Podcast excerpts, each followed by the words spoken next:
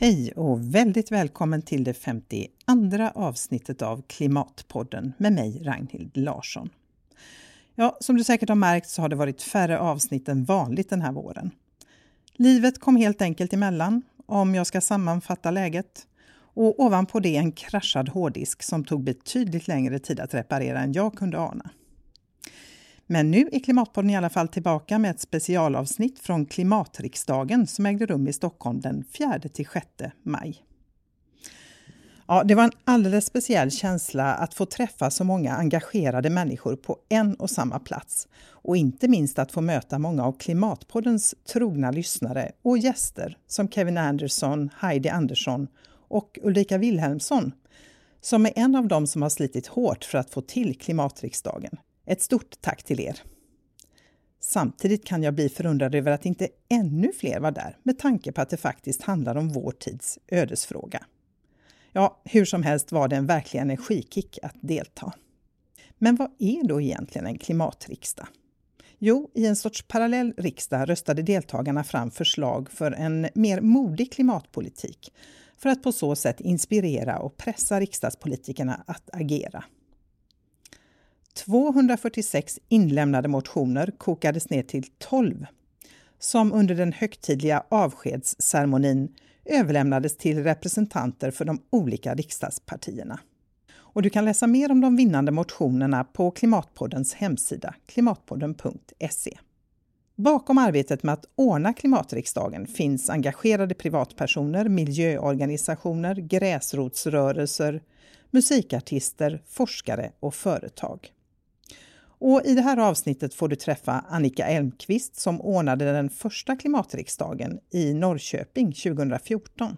Jan Lindblad som driver All for Echo, en webbsida och en app som visar hur var och en av oss rent konkret kan bidra till att lösa klimatproblemet. Och så får du träffa Ivar Karlsson på Centralens resebyrå i Kalmar som gör allt han kan för att vi ska kunna resa ut i Europa med tåg på ett så bra och smidigt sätt som möjligt.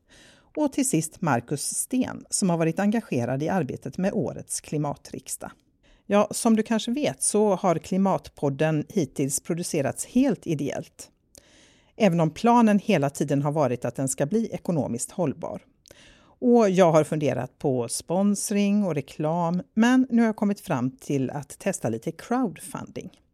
Så om du gillar Klimatpodden och vill stötta arbetet så kan du från och med nu skänka ett valfritt belopp till Klimatpoddens eget Swishkonto 123 396 2974. Och precis som vanligt är du väldigt välkommen att höra av dig med synpunkter och förslag på gäster. Och kom ihåg att dela med dig av podden till andra som du tror kan vara intresserade. Men nu är det dags att köra igång dagens avsnitt. Varsågoda. Långsiktig och strategi för att minska flygets utsläpp.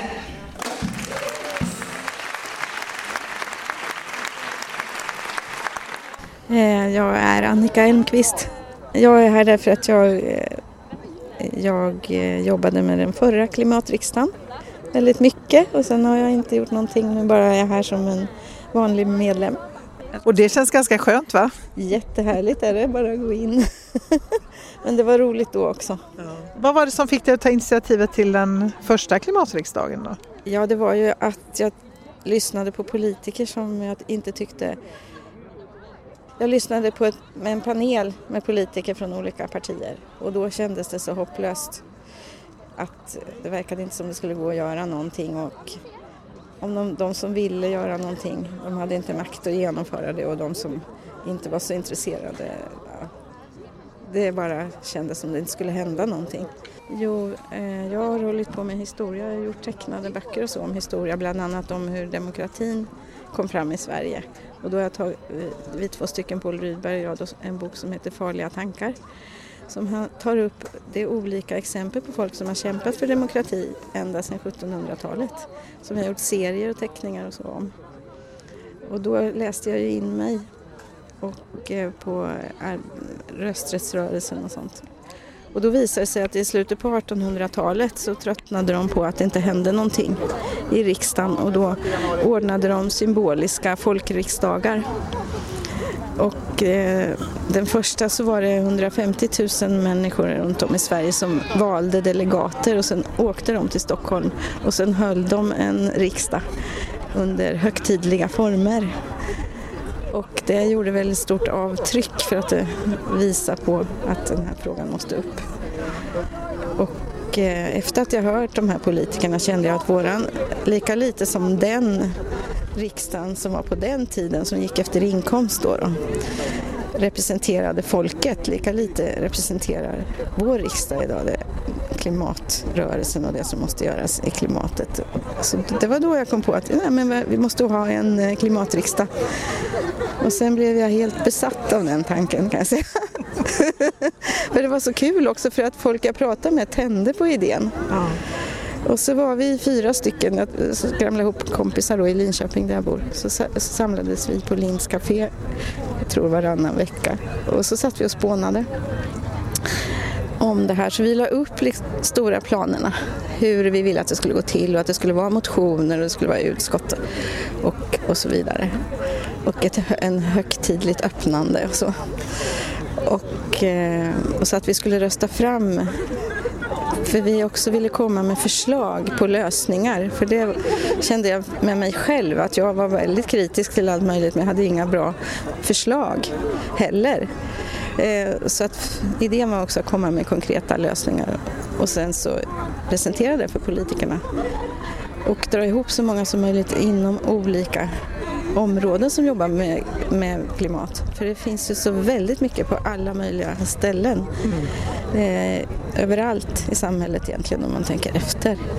Så det var idén och då, då bara var det så lätt att få folk att nappa och så bildade vi olika arbetsgrupper och sen var det ju väldigt mycket jobb. Ja, Men vi hade ett och ett halvt år på oss ungefär.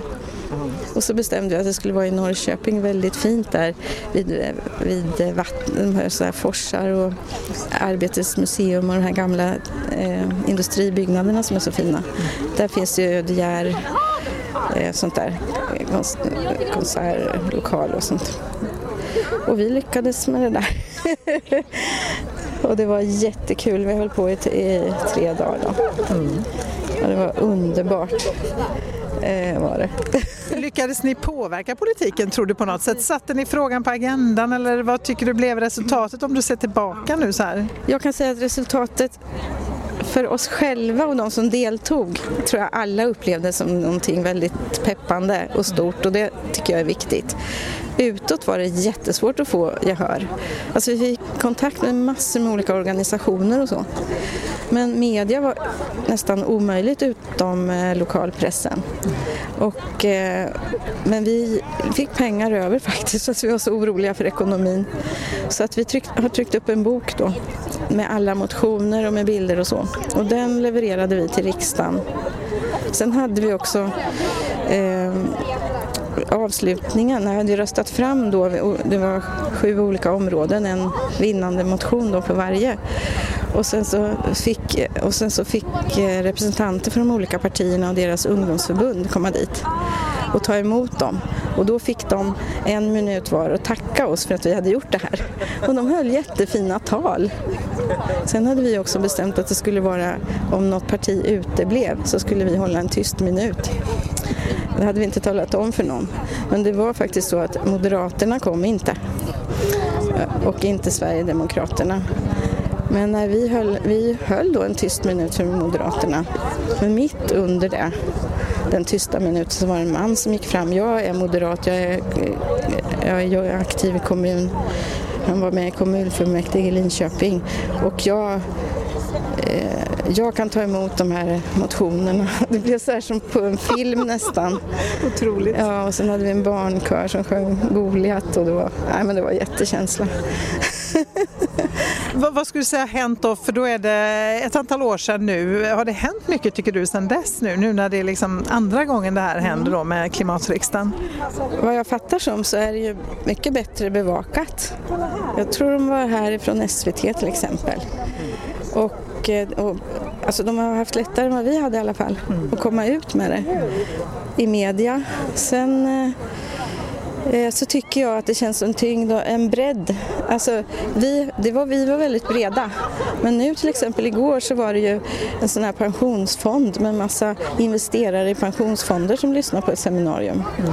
Bara det. Och sen att det var ju många organisationer som stöttade oss. Eh, vi, vi, vi bara samlade in organisationer och stöttade oss eh, med glada tillrop eller man ska säga. Så vi hade en lång, lång lista på olika stora och små organisationer och företag och så som gillade idén.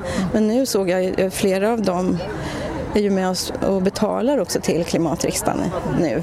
Så att på något sätt har det satt sig och blivit bredare och det är väl lite fler som har kommit än förra gången och sådär. Så att det känns jättebra. Vad är det som driver dig i ditt klimatengagemang? Nej, men jag blev ju helt, först höll jag ju ifrån mig den här klimatfrågan. Jag tänkte, för jag håller på att engagera mig ideellt i alla möjliga saker.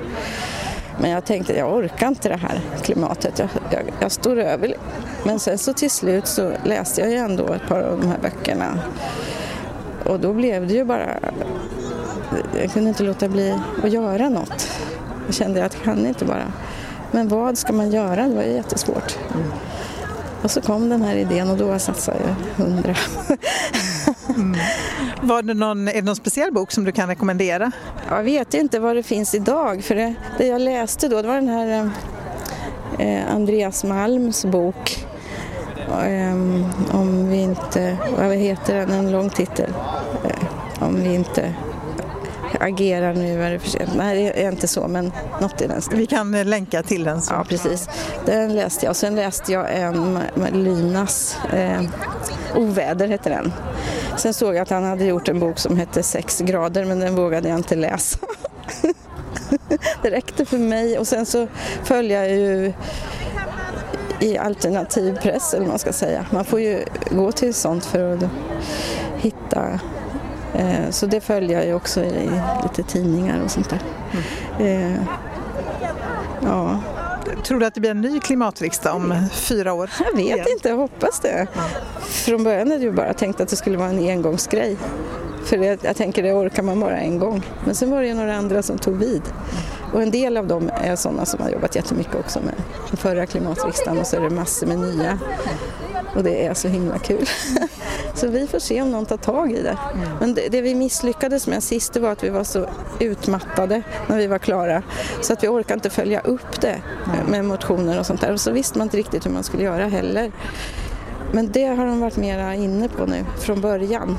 Att tänka på livet efter klimatriksdagen och försöka puffa för de här motionerna som kommer fram i valrörelsen. Får se om det lyckas. Mm, hoppas det. Ja. Tack så mycket. Ja. Inom ämnesområdet för mat och jordbruk, där har motion nummer 158 vunnit. Yeah. Och där lyder rubriken En lokal livsmedelsstrategi för en politik med agroekologiska principer. Jag heter Janna Lindblad. Jag grundade den här All for Eco tillsammans med några vänner. Och vad är syftet med All for Eco? Ja, egentligen så handlar det om att eh, engagera den bredare publiken, den bredare medborgarna i Sverige. Här på klimatriksdagen där vi står nu, där kan vi få den ena halvan av ekvationen, det vill säga de som redan är klimatengagerade och har massa kunskap. De har redan stött på många problem, har många idéer för vad som borde ändras. De har också kunskapen om hur man löser den, vilka strategier man ska ha, vilka andra webbsajter och andra lösningar som finns där ute som kan lösa de här.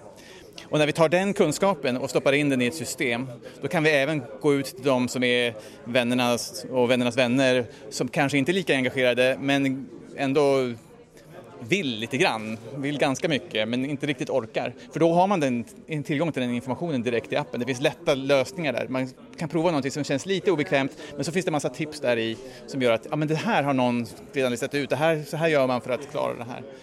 Och då kan vi få den här kunskaps och livsstilsöverföringen från de här klimatnördarna till den bredare massan. Så alla kan göra något då, är tanken eller? Absolut, alla kan göra någonting och exakt vad det är varierar ju då. Alla är på olika platser på sin så att säga, klimatkarriär då. Men eh, genom att vi använder det här IT-stödet som finns, IT är jättebra för att nå många människor, men också, ja det har vi ju hört med Cambridge Analytica nu då, eh, är väldigt bra på att anpassa budskapet till var och en. Så att när vi, i takt med att vi lär oss var var och en är i sin klimatkarriär kan vi välja ut vilka uppdrag som vi ska visa för varje person. Och då blir det, tror jag, då, en eh, intressant upplevelse. På eh, invigningen igår så var det ju mycket prat om gamification så vi känner oss helt rätt i tiden här. Det är precis vad det här handlar om. Göra någonting som känns jobbigt och kanske lite svårt. Eh, att bli någonting som är mera vardagligt och enkelt och roligt. Man känner feedback, man känner återkoppling, att man ser att jag gör skillnad. För det är ju kanske det största problemet just nu i klimat och miljörörelsen. Att många kämpar på i sitt eget år efter år och man, efter ett tag kanske man tappar sugen eller i alla fall känner man sig inte lika motiverad utan nästa steg så man vet inte om gör det här någon skillnad. Men får man då tillbaka den här återkopplingsloopen då kan vi verkligen göra någonting. Eh, lite kort bara, hur väcktes ditt klimatengagemang? Eh, det var egentligen, eh, jag har alltid känt mig som en klimat och miljömänniska i någon utsträckning så därför många liksom, men jag gjorde ingenting. Men så lyssnade jag på Rockströms sommarprat 2015 och då kände jag, jag måste göra någonting. Då gick jag med som volontär för Greenpeace och där mötte jag massa bra människor och blev då genast, eftersom jag är en IT-människa, webbmaster för Klimatsverige och Klimatriksdagen och en del andra sådana och efter något år med det, det var ju bra, framförallt kände jag att jag träffade många bra människor där. Men eh, det i sig räddade inte världen kände jag, så jag måste göra någonting mer och då började jag fundera i termerna, vad kan jag som IT-nörd göra för att påverka världen? Då kom just den här idén med att låt oss göra en app som når många och anpassa budskapet till var och en. Och om man vill veta mer om All for Eco, hur gör man då?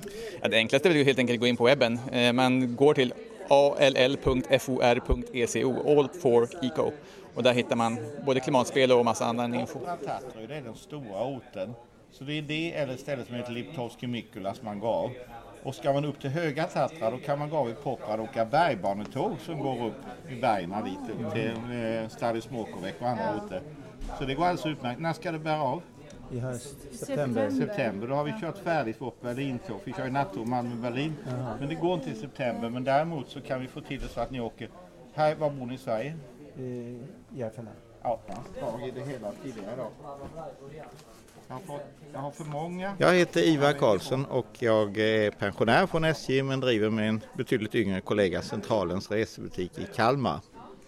Och vad är det ni gör på Centralens resebutik i Kalmar? Vi försöker göra vårt bästa för att människor så prisvärt och bra som möjligt ska kunna upptäcka Europa med tåg. Och hur går det? Det går väldigt bra. Det går så bra så vi nästan yra i huvudet. Vi arbetar nästan dag och natt. Intresset är enormt och eh, vi någorlunda hänger vi med i svängarna men vi får ett enormt inflöde av förfrågningar. Så ja, så långt är det bra. Så det är långa arbetsdagar då? Det är mycket långa. Jag snittar väl på 15-16 timmar om dagen. Alla dagar i veckan ska tilläggas. Oj, oj, oj. Men du, hur, eh, hur länge har det här, när började det här stora intresset komma då för tågresandet? Eh, intresset har gradvis vuxit så att man kan säga att det var betydligt fler som var ute förra året än året innan. Och de som var ute förra året berättade för alla möjliga de kände att det hade gått någorlunda bra för i de flesta fall. Och det har lett till att väldigt många av deras kompisar hörde av sig kan man säga. Så det är liksom en bred grej det här. Sen har det toppats av klimatdebatten, man ska stanna på marken och det har alltså satt fart på det hela riktigt. Alltså de sista månaderna har alltså varit helt extrema. Mm. Vad var det som väckte ditt intresse för tågresande då? Eh, ja, jo, men jag har alltid haft ett visst... Alltså jag började sommarjobba vid järnvägen 65 och det var ju det här med spännande tåg för en 15-åring var ju väldigt roligt. Eh, men sen så efterhand så har jag väl insett att det här är en utav ett bidrag som är nödvändigt att ge så att säga för att eh, Europa måste när det gäller resor på rimligt avstånd i alla fall så måste vi både för miljön och för trafiksäkerhetens skull styra det mot järnvägen väldigt mycket. Och eh, det har jag begripit förhoppningsvis i väldigt många år. Jag har ju arbetat hårt inom SJ för detta också och eh, eh, jag tror att det finns enorm utvecklingspotential i detta. Sen är ju naturligtvis kanske i andra avseenden inte kineserna något önskedröm men i det här fallet är det rätt intressant för att på bara några få år så lyckas de bygga upp ett snabbtågsnät där man alltså lyckas med det tricket att man för över persontrafik från de gamla existerande järnvägarna till snabbtågsnät och får in då möjlighet att köra massa gods på de vanliga järnvägarna vilket hjälper den kinesiska miljön oerhört. Och eh, i och för sig man kan diskutera metoderna verkligen men det har hänt saker och ting på några få år och det visar att det i och för sig inte är helt omöjligt att göra en sån här omläggning. Och nu tror jag Europa måste gå i den riktningen på något sätt därför att eh, det växer trycket på det här och var att man inser att de här klimatmålen måste uppfyllas och det är alltså järnvägen som en av de verkligt kraftfulla aktörerna i det sammanhanget. Det finns kvar även inom befintliga järnvägsnätet en mycket stor potential så det är inte så att det är uttömt utan det handlar om att man måste styra resandet till tåg där det finns ledig kapacitet. Man måste kanske hänga på fler vagnar i de få loktåg som finns inom Europa och man måste använda, styra om tidtabellerna och så. Och det börjar man jobba med nu i Frankrike och Tyskland och så. Så det pågår en hel del omtänk där man försöker växla upp järnvägsnätet. Och det kommer ju glädja av redan 2019 faktiskt en hel del saker där. För att jag, menar, jag minns ju jag när jag var ung och åkte till Paris med nattåget mm. från Köpenhamn och sådär. Alltså mycket har blivit sämre upplever jag när man ska ut och åka tåg i Europa. Du får sova över i Hamburg väldigt mm. ofta därför att du tar dig liksom inte vidare och sådär. Men tror du att vi får se förändringar även där i positiv riktning de, då så att det blir fler nattåg? De har ju hänt i viss mån. Alltså österrikiska järnvägen tog ju över den tyska järnvägens eh, nattågsflotta. Alltså alla de sovvagnar som Deutsche Bahn hade kvar hamnade i Wien. Och de har gjort, det är ett gäng unga grabbar där som jag känner ganska väl. De gör ett jättebra jobb och de har utvecklat det hela, fått upp beläggningen fantastiskt. Så nattågstrafiken är i Österrikes regi en lönsam affär, vilket tyskarna gravt förnekade att den var. Och det är rätt intressant och eh, det väcker lite viss pinsamhet i Tyskland kan säga när det här visas. Men så är det faktiskt. Det går bra för dem och de kör ju på de sträckorna där man på något sätt kan få in Österrike i bilden. Alltså det är Hamburg, Wien, Hamburg, Innsbruck och sen Hamburg, Zürich och det låter ju inte som Österrike men det får man ihop på så sätt att man kör vidare. Så det är en komplex där man kör alltså Graz, Zürich, Zürich, Hamburg, Hamburg, Zürich, Zürich, Graz. Och på så sätt kommer Österrike in i bilden, även det tåget. Och det går jättebra och man har ju sen motsvarande linjen från Berlin och från Düsseldorf så man kopplar ihop vagnar på nätterna, Hildesheim och i Nürnberg och så vidare. Och det är en verksamhet som är lönsam. Sen är det så att som en Frankrike-resenär kan man använda Schweiztåget därför man kan åka nattåg till exempelvis till ja, Karlsruhe eller Freiburg i första hand och då är man i Paris vid tio tiden nästan samtidigt som det gamla nattåget kom dit. Och sen får vi väl se vad framtiden bär sig sköta om det går att få till de här tidigare nattågsvagngruppen igen till Paris. Jag är lite tveksam därför att den franska järnvägen är ingen enkel marsch. Det kan jag säga har jag med. Och de har ju andra problem nu också. Just nu är de upptagna med strejker där och vi får se hur det går. Just det. Och de sätter fart på vår tillvaro väldigt mycket de där, just ja. de strejkerna. Men vi hoppas väl att det bär ut så småningom. Kan du säga någonting, vem är den typisk, har ni någon typisk kund så att säga som hör av sig? Vi hade det förut, vi hade ju en väldig massa tågnördar som kunde nästan lika bra som jag rabbla Europas tågtabeller. Men de är alltså i verklig minoritet. Alltså det roliga är nu att nu är det bredd på det. Det är alltså allt ifrån småbarns, alltså ungdomarna naturligtvis, småbarnsfamiljer som ska ut. Eh, de har ju varit på tv några av de här vid några tillfällen. Och sen har vi även eh, då eh, igen, även naturligtvis äldre par, van, alltså par i medelålder, det finns också eh, de som tar med tregenerationsfamiljer som åker och sen har vi de mer specialfallen alltså, som inte är helt ovanliga, mormor, morfar eller farmor och farfar rymmer med barnbarnen. Det händer en del och ger föräldrarna lite lugn och ro och sen ger de sig ut i Europa. Det är ganska vanligt alltså. så vi har, vi har verkligen bredd i det hela. Det har vi. Du måste jag bara fråga dig, alltså hinner du själv åka tåg på någon tågresa någon gång? Inte så ofta dessvärre just nu men bland mina många favoritmål som jag faktiskt har så dels finns det en fantastisk stad i, som heter Gaeta, G-A-E-T-A. Den ligger mellan Rom och Neapel, 13 mil söder om Rom. Och det ligger på en udde i Medelhavet och det är en fantastiskt fin stad därför det finns en nationalpark där, ett berg som heter Montolando där man kan vandra i vacker natur och titta ut över Medelhavet. Och sen kan man därifrån grannstaden Formia åka båt till Ponsaöarna. Det är öar som inte så många mer än italienare känner till. Helt fantastiska öar. Och sen överhuvudtaget är det en väldigt charmig stad med ganska få hotell. De har inte som till exempel Terracina fyra mil norrut fallit i turistfällan utan har ett fåtal hotell och sen är det en normal italiensk stad. Det är en av de många. Du, det går historier om dig, hur du liksom verkligen gör ditt yttersta för att ge dina kunder service, att du personligen åker och levererar biljetter och sådär. Kan du berätta om något sådant tillfälle? Ja, det har hänt ganska många. Dels är det när det är snabblägen, om jag av en händelse är på väg så händer det ibland att jag har levererat biljetter vid de mest obskyra tidpunkter. Eh, det händer och eh, eftersom jag oftast åker med femtåget på morgonen från Kalmar då för att få ihop mina dagar så mötte jag lätt morgonsömniga kunder vid åttasnåret som frågade om jag sover kort på hotellet och då säger jag ja, ja jag sov hemma och åkte vid fem. Men herregud, men du måste ha lagt dig tidigt, sa hon. Ja, det gjorde jag. Jag la mig nämligen väldigt tidigt. Jag la mig halv fyra och sånt. Så sådana hemskheter finns det. Men eh, det är ju så i grund och botten att vi försöker köra med rekommenderade brev, vilket eh, försöker, det har vi nästan tagit ihjäl Pressbyrån i Kalmar som är vårt postombud. Så det är huvuddistributionsvägen eftersom vi talar om värdesäkra biljetter.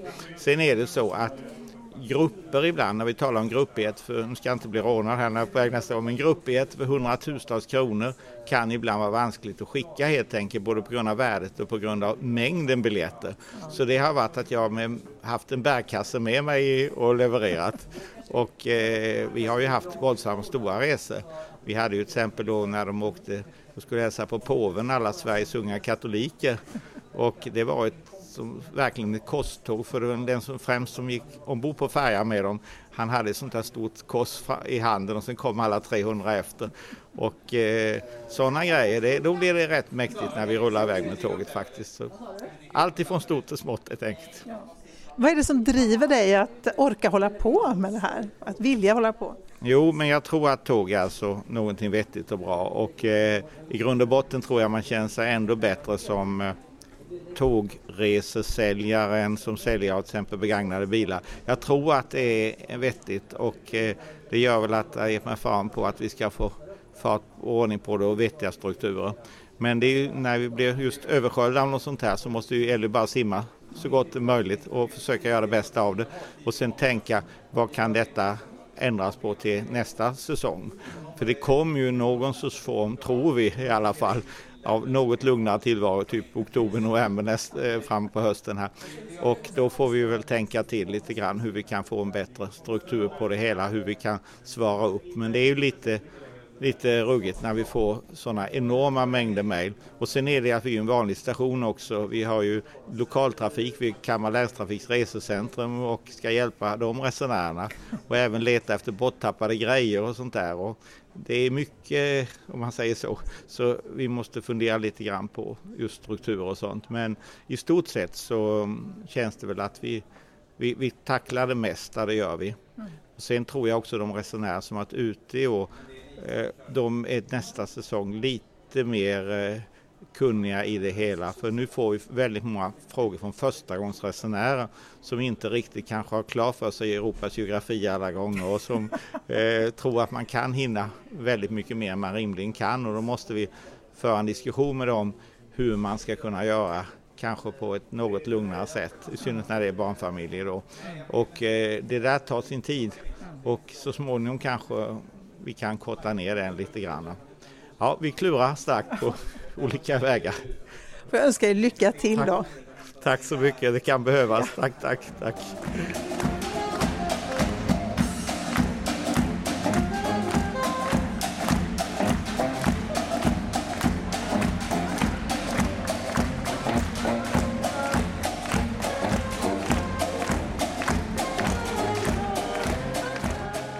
Eh, vem är du? Marcus Sten, sitter i styrelsen i klimatriksdagen.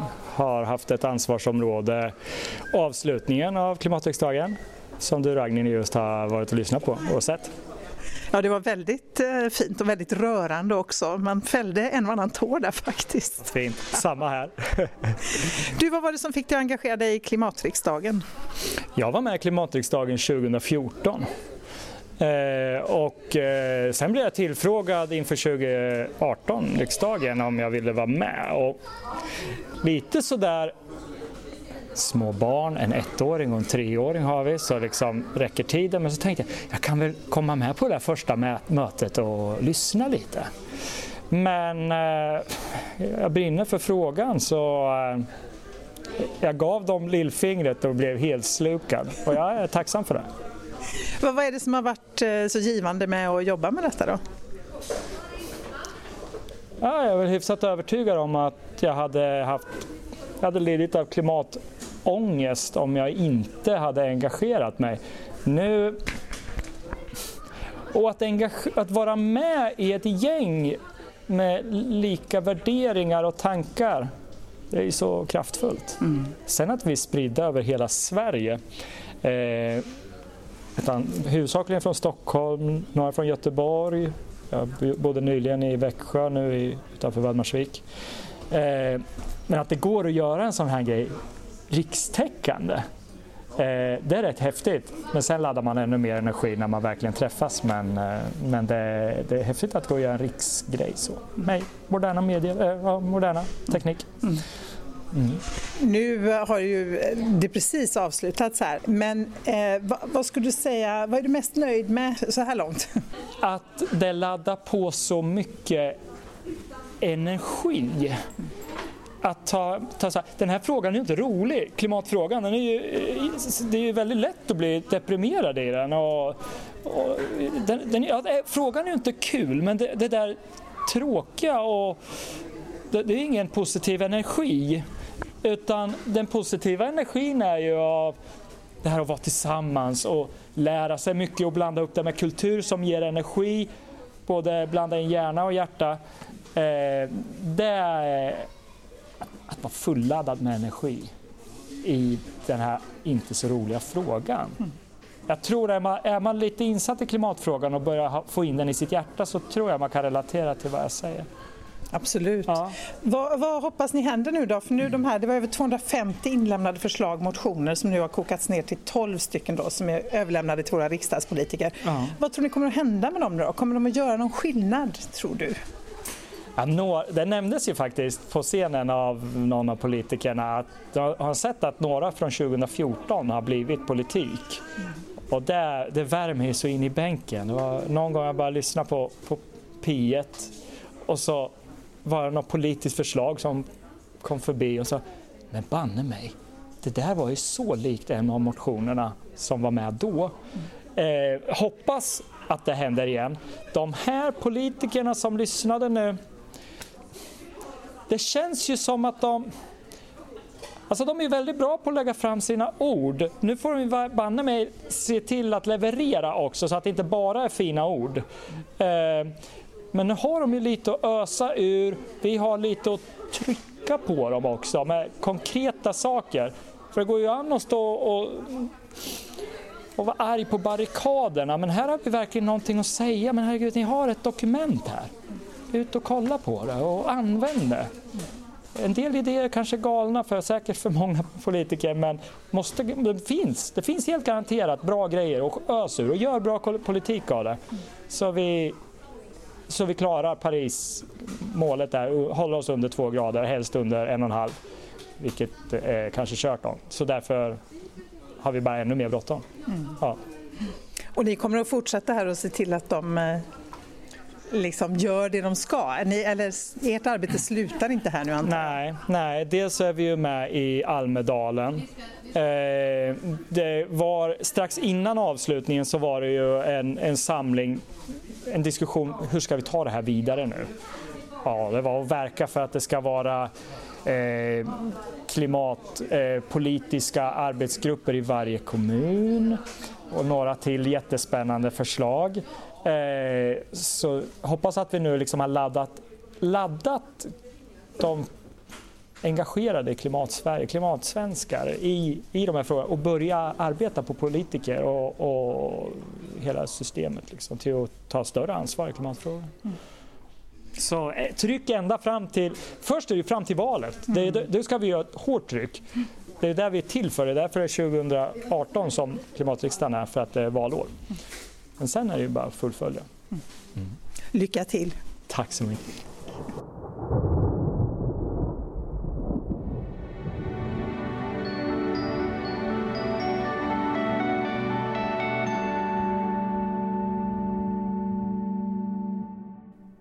Du har lyssnat på Klimatpodden som produceras av Konvoj Produktion. Gäster i dagens avsnitt var Annika Elmqvist, Jan Lindblad, Ivar Karlsson och Marcus Sten. Du hittar mer information om Klimatpodden och dagens avsnitt på hemsidan klimatpodden.se. Signaturmelodin är skapad av Tommy Kaso och loggan till Klimatpodden är gjord av Hannes Larsson. Och Klimatpodden finns på alla ställen där poddar finns. Och du kan följa och gilla Klimatpodden på Facebook och Twitter.